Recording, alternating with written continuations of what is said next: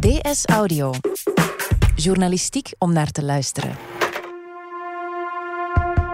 Ik heb er helemaal geen bang voor om met meer mensen uh, in contact te komen. Wel met het feit dat het met vreemde mensen zal zijn. Ik ben ook wel wat ongerust ook, dat dat ineens het virus terug zou doen opflakkeren. Ik kijk er niet speciaal naar uit, nee. Ik werk in een taartenwinkel. Ik vind het nog wel een beetje spannend, omdat je dus wel contact hebt met klanten. Ik wil heel blij zijn dat de wereld zo terug een beetje normaliseert. Alhoewel dat wel anders zal zijn dan ervoor, denk ik. Maar toch blij dat we allemaal terug naar de winkel kunnen. Vandaag openen de winkels opnieuw hun deuren. We mogen beperkt weer wat bezoek ontvangen en op dat elan zetten we de eerste stappen richting het nieuwe normaal. Maar hoe normaal is onze wereld na de lockdown? Durven we nog in contact komen met andere mensen? Hoe groot is de impact van de coronacrisis op de maatschappij? Het is maandag 11 mei. Mijn naam is Niels de Keukelare en van op afstand is dit DS Audio.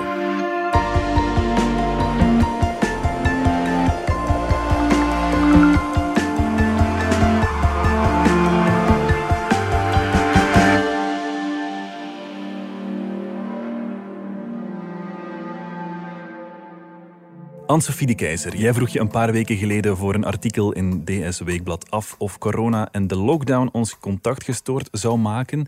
Was dat omdat je dat bij jezelf merkte? Goh, het was eigenlijk vooral... Mijn huisgenote kwam op een dag binnen. Zij, zij was het, um, het binnenzitten helemaal beu. Ze was even naar buiten gegaan om, uh, om frisse lucht te scheppen, om zich wat vrijer te voelen. En ze is eigenlijk heel, juist heel benauwd terug binnengekomen. Heel angstig. Hmm over wat ze zag. Ja, ze zei, iedereen draagt mondkapjes, iedereen bekijkt elkaar zo ja, heel argwanend. Men steekt de straat over om elkaar zeker niet te moeten kruisen op het voetpad. Ja, het is zo... Iedereen wantrouwt elkaar. En, en ze had zoiets van, gaat dit ooit overgaan? En dat vond ik wel een interessante vraag eigenlijk. Ik heb toen voor het stuk heb ik gebeld met een persoonlijkheidspsycholoog. Die, die mhm. werkt aan de Universiteit van Groningen. En hij is Bertus Hieronymus als psycholoog is hij natuurlijk heel gefascineerd door wat nu gebeurt. Dus um, ja, voor hem is het, is het eigenlijk een spannende tijd. Maar op een positieve manier ook. Ja, het is natuurlijk een unieke gebeurtenis. Hoewel dat eigenlijk een beetje lelijk klinkt, vind ik dit hartstikke interessant. Want het is één groot natuurlijk experiment. En ik ben geïnteresseerd in ja, dit soort verstoringen van het dagelijks leven. Dus we hebben een, een virus en daar, daar moeten we ons psychologisch op instellen. En dat verandert natuurlijk heel veel als je naar het straatbeeld kijkt, dan zie je dat er eigenlijk al heel veel veranderd is. Hè? Mensen lopen rond met mondkapjes op. Ja, als je dat een jaar geleden hier had gedaan, dan zou je heel vreemd bekeken worden. En nu is het ja, bijna al een, normaal straatbeeld. Ook het feit dat wij elke dag cijfers krijgen over mensen die, die sterven, over het aantal doden. Het lijkt precies alsof er hiervoor nooit mensen zijn gestorven of zo. Je, je wordt zo met de neus op de feiten gedrukt dit zijn de gevolgen, dit zijn het aantal zieken, dit zijn het aantal doden, zo zien de longen eruit, elke dag opnieuw. Het is een constante nieuwstroom die niet ophoudt. En ik denk dat dat ook heel veel... Ja, dat, dat biedt onzekerheid natuurlijk, een angst. Het is een onbekend virus, hè. we weten mm. niet hoe het juist werkt en, en al helemaal niet hoe we het kunnen aanpakken. Dus het is een hele keten van gebeurtenissen die ja, korte termijn veranderingen met zich meebrengt. Namelijk hoe, ervaren we dat dan, zo'n social lockdown, en wat doet dat met ons? Ik, denk, wat we wel gaan zien, zijn verschillen tussen landen waar bijvoorbeeld uh, de lockdown heel erg met militairen en soldaten is afgedwongen. Uh, bijvoorbeeld in Spanje. En waar ontzettend veel doden zijn gevallen, zoals Spanje en Italië, waar echt groot verdriet nou, doorgemaakt zal worden de komende tijd. En, en die angst er diep in zit. Ja, ik merk ook aan, aan mensen uit mijn omgeving dat er de angst is om weer aan het normale leven te beginnen, aan, aan, aan hoe we het gewoon waren. En ik bedoel dan bijvoorbeeld in sociaal contact. Enerzijds zijn best wel veel mensen nu blij van, ah, we mogen weer wat familie zien. Maar ja, de angst blijft groot. Je, je wil je ouders niet besmetten, bijvoorbeeld. Dus zelfs als de lockdown opgeheven wordt, en nou, dat zie je in Italië ook gebeuren, gaan heel weinig mensen eigenlijk naar die winkels en de straat op. Want ze durven gewoon niet meer. En ik denk dat dat in België en Nederland minder speelt. Natuurlijk is er een groep die uh, nou, zichzelf nog een tijd zou willen beschermen. Maar wij hebben minder echt die, uh, ja, die intense angst en dreiging nu als uh, in een aantal andere landen speelt. Er zijn ook nog altijd heel veel mensen die duidelijk veel meer maatregelen nemen dan de overheid ons eigenlijk oplegt of dan de overheid ons aanraadt. Bijvoorbeeld mensen die de post drie dagen laten liggen voor ze die aanraken en zo. Ja, dat zijn denk ik niet mensen die, die straks zich weer helemaal op hun gemak gaan voelen als ze in de supermarkt uh, tussen iedereen rondlopen. Um, mm -hmm. Op korte termijn is er heel veel veranderd in ons leven en dat draai je niet zomaar in één klik om. Er zal ook niet een moment komen waarop de overheid zegt, voilà, vanaf morgen is alles weer goed. Dat gaan we ook niet geloven. Mm -hmm. er, er blijft argwaan en onzekerheid en angst hangen.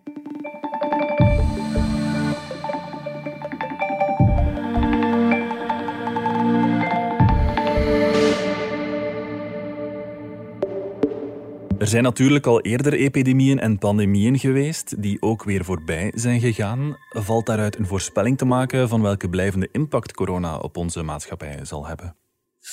Ja, dat is natuurlijk wel onderzocht. Maar bijvoorbeeld Tsjernobyl. Ik denk aan, aan Tsjernobyl. Denk 86. Uh, er komt een nucleaire wolk over, over West-Europa.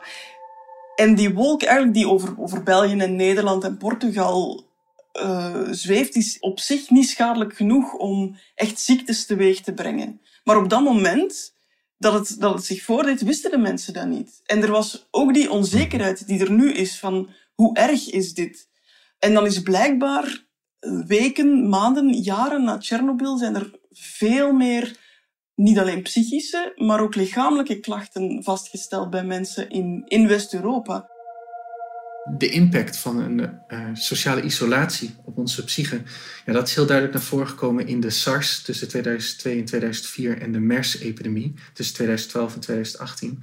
Dat was dan weliswaar niet hier uh, in Europa direct, uh, maar daar hebben mensen eenzelfde soort ja, grote lockdown meegemaakt, lange tijd in quarantaine gezeten en dat heeft ja, heel veel psychische en lichamelijke klachten teweeggebracht. En meerdere jaren na afloop zie je dat nog steeds. Dus een kwart van de mensen die, die ontwikkelt zulke danige klachten dat ze dat echt drie, vier jaar na afloop van de lockdown nog steeds vertonen. En uh, ja, een heel groot deel van de mensen is niet meer aan het werk gekomen in de jaren daarna.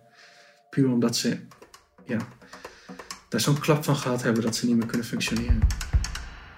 Dus ja, dat is eigenlijk secundaire stress. Alleen al het anticiperen op het mogelijke gevaar puur het idee van wat, wat zou er kunnen gebeuren, dat, dat blijkt blijkbaar in onze hoofden en in ons lijf zitten.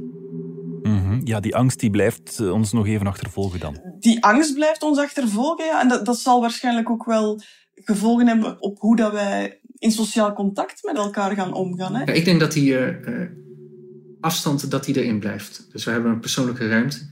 Uh, die is wat groter op het platteland dan in de stad.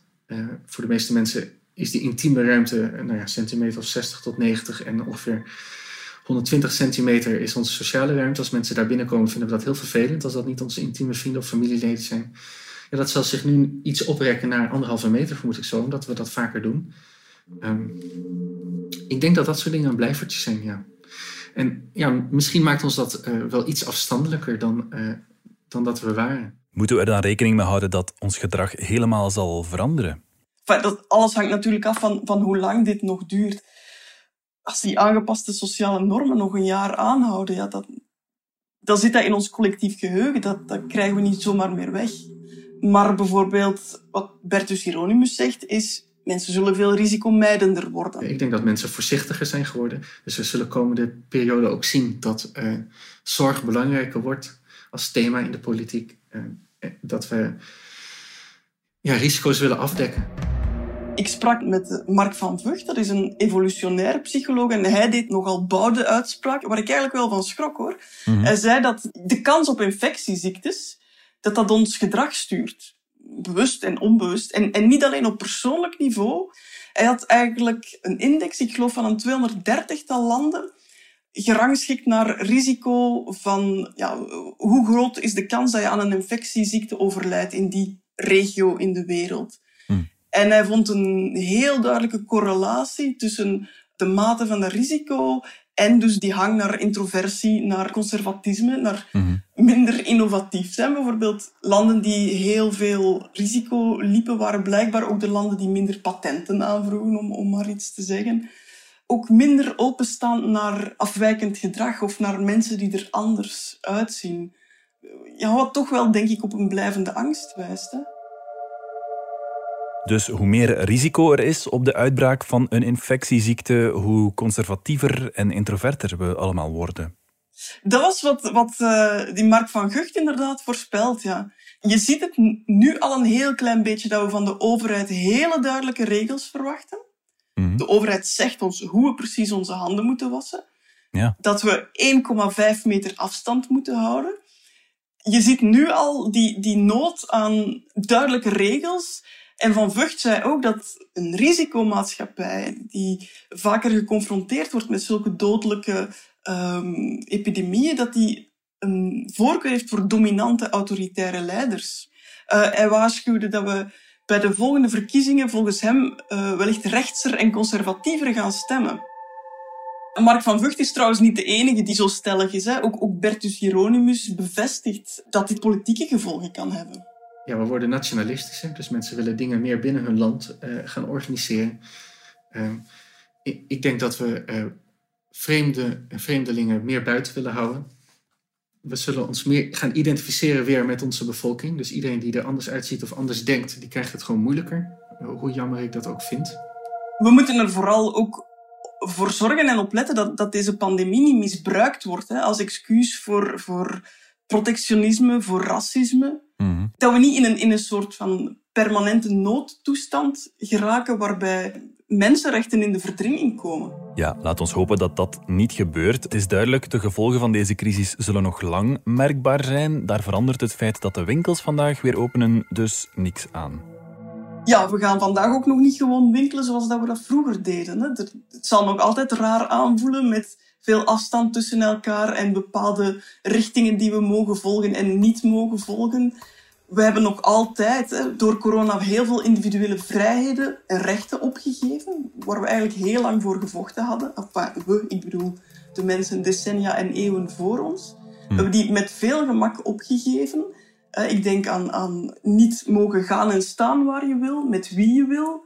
Ja, het is maar de vraag wanneer we dat zullen terugkrijgen, die rechten en, en, en vrijheden. Ik zag ook in de krant onlangs een foto van een Nederlands restaurant waarin om, over elk tafeltje stond eigenlijk een, een soort serre. Uh, om, ja, er worden nieuwe manieren uit, uitgevonden om, om met elkaar om te gaan. Dus als we straks uh, in serres gaan, gaan dineren of festivals alleen vanuit onze auto kunnen meemaken, ja, dan zal de wereld er nog wel een tijdje anders uitzien. Goed, Anne-Sophie de Keizer, dankjewel. Graag gedaan. Dit was DS Audio. Wil je reageren? Dat kan via dsaudio.standaard.be. In deze podcast hoorde je Anne-Sophie de Keizer, Bertus Hieronymus en mezelf Niels de Keugelare. De redactie gebeurde door Fien Dillen, de eindredactie door Anna Korterink. Pieter Schrevens deed de audioproductie, Brecht Plasgaard schreef de muziek die je hoorde in deze podcast. Chef audio is Wouter van Driessen. Vond je deze podcast interessant? Weet dan dat je er elke werkdag één kunt beluisteren. Dat kan via de DS Nieuws app of via standaard.be-audio. Je kunt je ook abonneren via iTunes, Spotify of de podcast app van je keuze. En als je daar dan toch bent, schrijf gerust een review. Zo toon je ook anderen de weg. Morgen zijn we er opnieuw.